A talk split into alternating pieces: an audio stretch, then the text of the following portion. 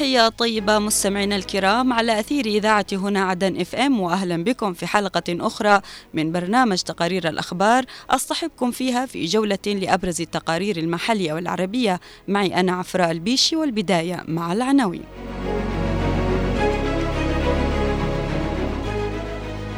رسائل مهمة في توقيت حساس تمثلت في لقاء الرئيس الزبيدي ورئيس بعثة الاتحاد الأوروبي. ورشة عمل بالعاصمة عدن تؤكد أن إحلال السلام ومعافاة الاقتصاد ضرورة لرفع الأجور. ريشة نادية معرض الرسم التشكيلي للفنانة نادية المفلحي في العاصمة عدن. دعوات دولية بإعادة تصنيف الحوثيين كمنظمة إرهابية.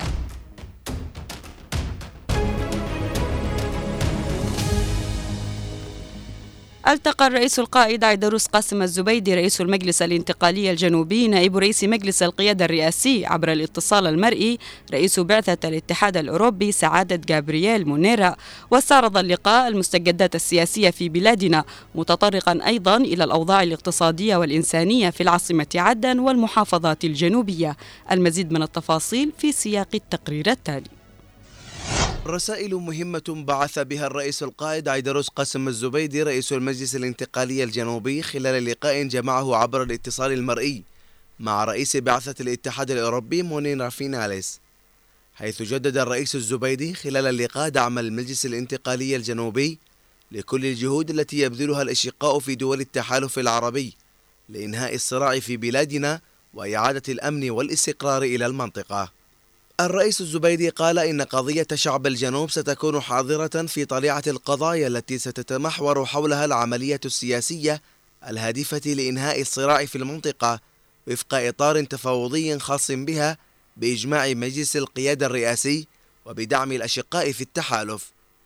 وطالب الرئيس الزبيدي في اللقاء الأصدقاء في دول الاتحاد الأوروبي بتكثيف الدعم الإنساني المقدم للحكومة للتخفيف من تداعيات الأزمة الإنسانية على شعبنا في ظل استمرار توقف صادرات النفط والغاز عقب الهجمات الإرهابية الحوثية التي استهدفت المنشآت النفطية في محافظتي حضرموت وشبوة. ويندرج هذا اللقاء في إطار الجهود التي تبذلها القيادة الجنوبية في إطار الحرص على التواصل مع القوى والأطراف الإقليمية والدولية بما يمثل التعبير القوي والحقيقي عن قضية شعب الجنوب وحقه في استعادة دولته. ويتمسك المجلس الانتقالي بأن تكون قضية شعب الجنوب حاضرة وبشكل أساسي ورئيس في مسار العملية السياسية باعتبار أنه لا مجال لتحقيق أي استقرار من دون حضور الجنوب في هذا المسار. تأكيد الرئيس الزبيدي على هذه الاستراتيجية الجنوبية في مختلف اللقاءات الدبلوماسية التي يعقدها يمثل رسالة واضحة وصريحة لكل من تسول له نفسه ويحاول تهميش حضور الجنوب على الطاولة السياسية.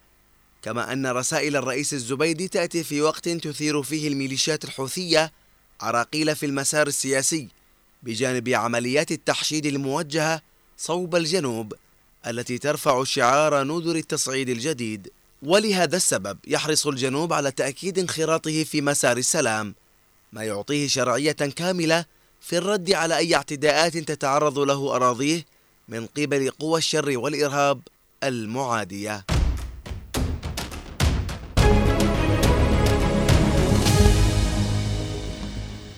قدمت ورشة عمل شهدتها العاصمة عدن أمس توصيات هامة بشأن تحسين هيكل الأجور لكافة موظفي الدولة لكون الهيكل القائم لا يتناسب مطلقا مع الظروف الاقتصادية والاجتماعية الراهنة. وأوسط الورشة التي نظمتها مؤسسة الرابطة الاقتصادية برعاية بنك التسليف التعاوني والزراعي بضرورة تغيير الهيكل فورا للموظفين والمتقاعدين. تفاصيل أوفى في سياق هذا التقرير. تحت عنوان تقييم سياسة الأجور في ظل الأزمة الاقتصادية والاجتماعية الراهنة نظمت مؤسسة الرابطة الاقتصادية ورشة عمل بالعاصمة عدن برعاية بنك التسليف التعاوني والزراعي تطرقت إلى الوضع الراهن لهيكل الأجور لكافة موظفي الدولة. نحن كمنظمة مجتمع المدني والأخوة في كاك بنك قمنا بالإعداد لهذه الورشة لما لأهمية الإيجور من دور في الحياة الاقتصادية والاجتماعية. فالإيجور مهمة للسلم الاجتماعي مهمة للتنمية مهمة للنمو مهمة للتماسك الاجتماعي مهمة لإعادة النظر في وضع الوظيفة العامة والوظيفة بشكل عام. أربع أوراق عمل قدمت خلال الورشة. تناولت إصلاح قوانين وتشريعات الأجور والهيكل الحالي ومدى تلبيته لحاجات الموظف وعلاقته بالفقر في ظل الظروف الراهنة وإصلاح ودعم الأجور الحالية للتوافق مع الوضع الاقتصادي الراهن في البلاد بالإضافة إلى نقاش لعدد من المختصين في الاقتصاد والنقابات والموظفين حول موضوع الورشة. ونحن نلمس كثير من الإجراءات وال والاختلالات في عدد من إجراءات التوظيف في الموازنة العامة للدولة بسبب ظروف الحرب أيضا شكلت كثير من الاختلالات في السياسات القائمة على الأجور. وبالتالي كان الموضوع ملح لطرحه اقتصاديا. ورشة العمل خرجت بعدد من التوصيات. أبرزها التأكيد على ضرورة حل مشكلة الحرب وإحلال السلام وإجراء عملية إعادة الإعمار ومعافاة الاقتصاد كضرورة لرفع الأجور وضرورة مواكبة الأجور للتغيرات التي تحدث في الاقتصاد الكلي. موصية السلطات بانتهاج عدد من السياسات والإجراءات الاقتصادية التي تهدف إلى استقرار سعر الصرف بما يلبي متطلبات الحياة وضرورة دعم السلع من أجل التخفيف من الضغوط على الدخل المتدني للموظفين.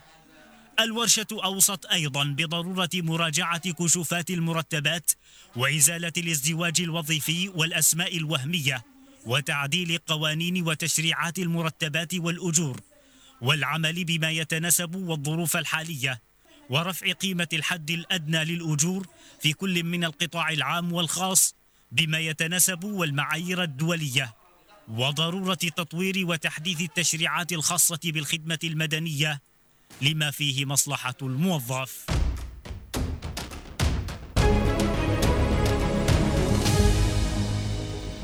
شهدت العاصمة عدن افتتاح معرض الرسم التشكيلي ريشة نادية للفنانة نادية المفلحي بحضور رئيس الإدارة العامة للشؤون الخارجية صالح الحاج وعددا من القيادات البارزة. نتابع بقية تفاصيل معرض الفن في هذا التقرير.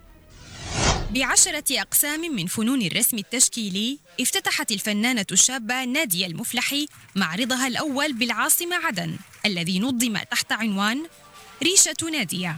طبعا رحب بكم بمعرضي الأول وأتمنى أنه يكون نال على إعجابكم.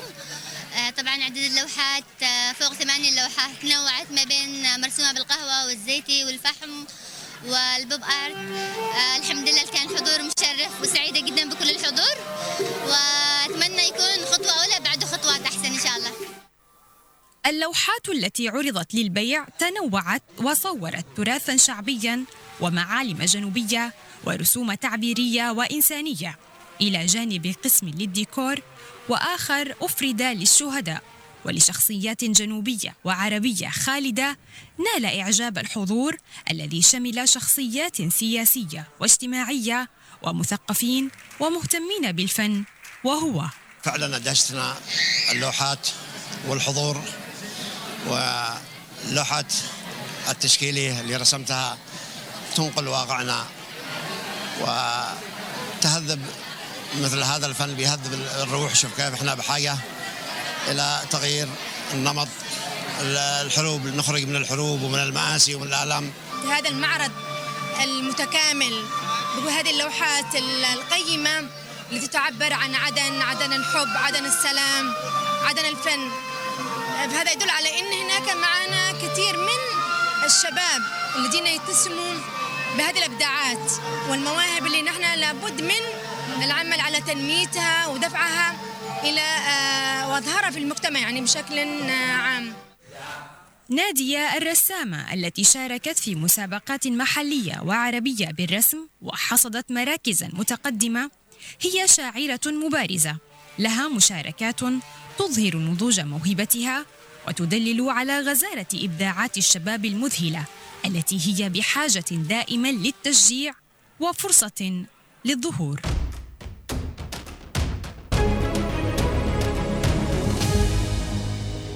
تجددت المطالبات الدولية بإعادة إدراج الحوثيين على قوائم الإرهاب في أعقاب الهجمات المستمرة التي تشنها الميليشيات على الجنوب والمنطقة بما فيها ممرات الملاحة الدولية. البقية نستمع إليها في التقرير الآتي. مع استمرار تصعيد الحوثي في ممرات الملاحة الدولية والبحر الأحمر على وجه الخصوص تجددت المطالبات المحلية والدولية بإعادة تصنيف الجماعة المدعومة من إيران كمنظمة على قائمة الإرهاب الأمريكية. المحللون رأوا أن إعادة النظر في قرار تصنيف الحوثيين كمنظمة إرهابية سيسمح للمجتمع الدولي بفرض عقوبات على الجماعة ومنعها من الحصول على المزيد من الأسلحة والصواريخ. الأمر الذي يحد من تصعيد أعمالها الإرهابية التي تطال محافظات الجنوب المحرر ودول المنطقة والإقليم وحركة الملاحة الدولية. تجدد المطالبات المحلية والدولية. جاءت في أعقاب توجيه نحو 49 عضوا في الكونغرس الأمريكي رسالة إلى وزير الخارجية منتصف نوفمبر الجاري طالبوه فيها بإعادة إدراج الميليشيا الحوثية كمنظمة إرهابية. فيما قالت الولايات المتحدة على لسان المتحدث باسم مجلس الأمن القومي الأمريكي جون كيربي أنها تبحث في مسألة إعادة تصريف الجماعة في ظل تزايد وتيرة الهجمات. صحيفة الجارديان البريطانية في تقرير تحليلي لها قالت إن هجمات الحوثيين في البحر الأحمر تعرض جهود السلام للخطر حيث يرى مراقبون أن تفاقم التصعيد من قبل وكلاء إيران على ممرات الملاحة ودول المنطقة والإقليم يفتح بعدا آخر للحرب ويجدد التأكيد على عدم جدية الميليشيا للانخراط بعملية سياسية لافتين إلى أن إعادة النظر بقرار إدراج الحوثي على قوائم الإرهاب وحظر تحركاتهم يمكن أن يدفع الجماعة نحو مفاوضات السلام خشية العواقب.